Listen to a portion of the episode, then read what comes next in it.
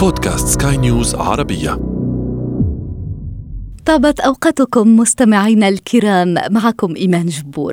أينما كنتم أرحب بكم في بودكاست الحياة رواية.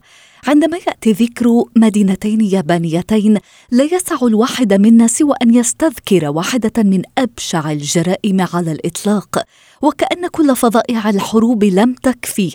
ألقت الولايات المتحدة قنبلتين نوويتين أولى في هيروشيما وثانية في ناغازاكي. الحياة رواية. في ذكرى مدينتين صارتا لوحدهما رمزا لفظاعات الحرب العالمية الثانية بعدما مسحتا من على الأرض هيروشيما وناغازاكي اليابانيتين.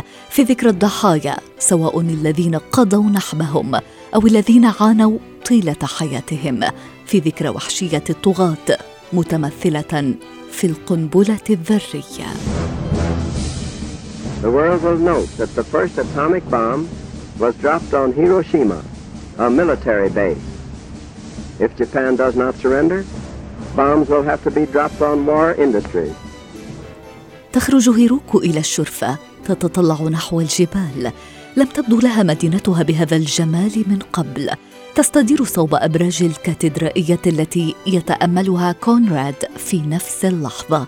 يتراءى لها شق بين السحب. يتسلل شعاع من ضوء الشمس إلى الداخل ويزداد اتساعا.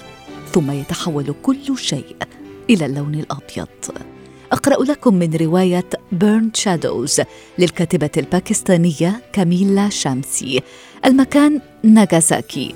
الزمان التاسع من أغسطس عام 1945 هيروكو تاناكا شابة جميلة تعشق محبوبها كونراد والحياة تعيدهما بأشياء كثيرة.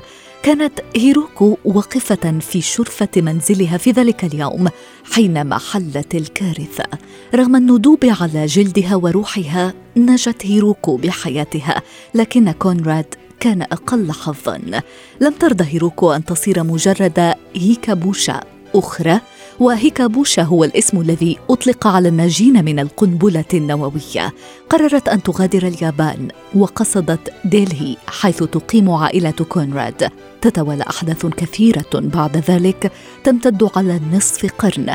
فالرواية التي تبدأ في ناغازاكي تنتهي في غوانتانامو ويتشابك فيها إلى الأبد. مصير عائلتين. أحداث روايتنا التالية تدور في العام 1960 15 عاما مرت على كارثة هيروشيما. نعيش قصتها من خلال عائلة من الناجين من القنبلة. في منزل هذه العائلة يقرر شاب أمريكي استئجار غرفة خلال رحلة عمل إلى هيروشيما.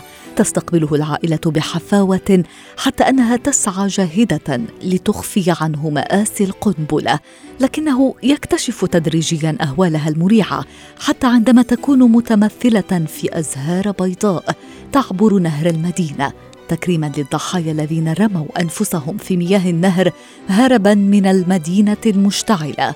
ومن هنا جاء عنوان الرواية The Flowers of Hiroshima للروائية السويدية. إديتا موريس وعنها نقتبس. وفجأة صار لدي انطباع بأنني لم أعد وحيدة بعد الآن. في كل مكان حولي هناك أشخاص يركضون ويركضون. آه نعم إنهم الأشباح. قبل خمسة عشر عاما كنت أركض أيضا في الشوارع وسط الحشد المذهول. وطيلة خمسة عشر عاما. استمروا في الركض داخل رأسي يطاردونني الليلة بوجوههم المتفحمة وقطع اللحم الممزقة من أكتافهم. بعد أن نفرغ من قراءة هذه الرواية لا يسعنا إلا أن نقول مثل سام الأمريكي شكرا شكرا على كل ما علمتموني إياه. بفضلكم أدركت ما تعنيه هيروشيما فعلا. لا هيروشيما بعد الآن. عندما يقرع رجل مشوه الوجه بابها في صباح شتاء بارد ويخبرها بأنه حفيدها. تعجز اماتيراسو تاكاهاش عن تصديقه وكل ماضيها يطفو مجددا. الماضي الذي سبق وصولها إلى الولايات المتحدة قبل أربعة عقود خلت. تتذكر ناغازاكي في ذلك التاسع من أغسطس من عام 1945 حين خطفت منها نيران السماء ابنتها وحفيدها. ولم تعثر عليهما ابدا. بعد أربعين عاما يأتي الغريب ذو الوجه المحترق ليفتح الجروح التي أرادت أن تنساها. الشعور بالذنب والأكاذيب والأسرار ماذا لديه ليقول لها؟ وماذا لديه ليقدم لها؟ ذاك ما نكتشفه بين صفحات A Dictionary of Mutual Understanding. الحياة رواية.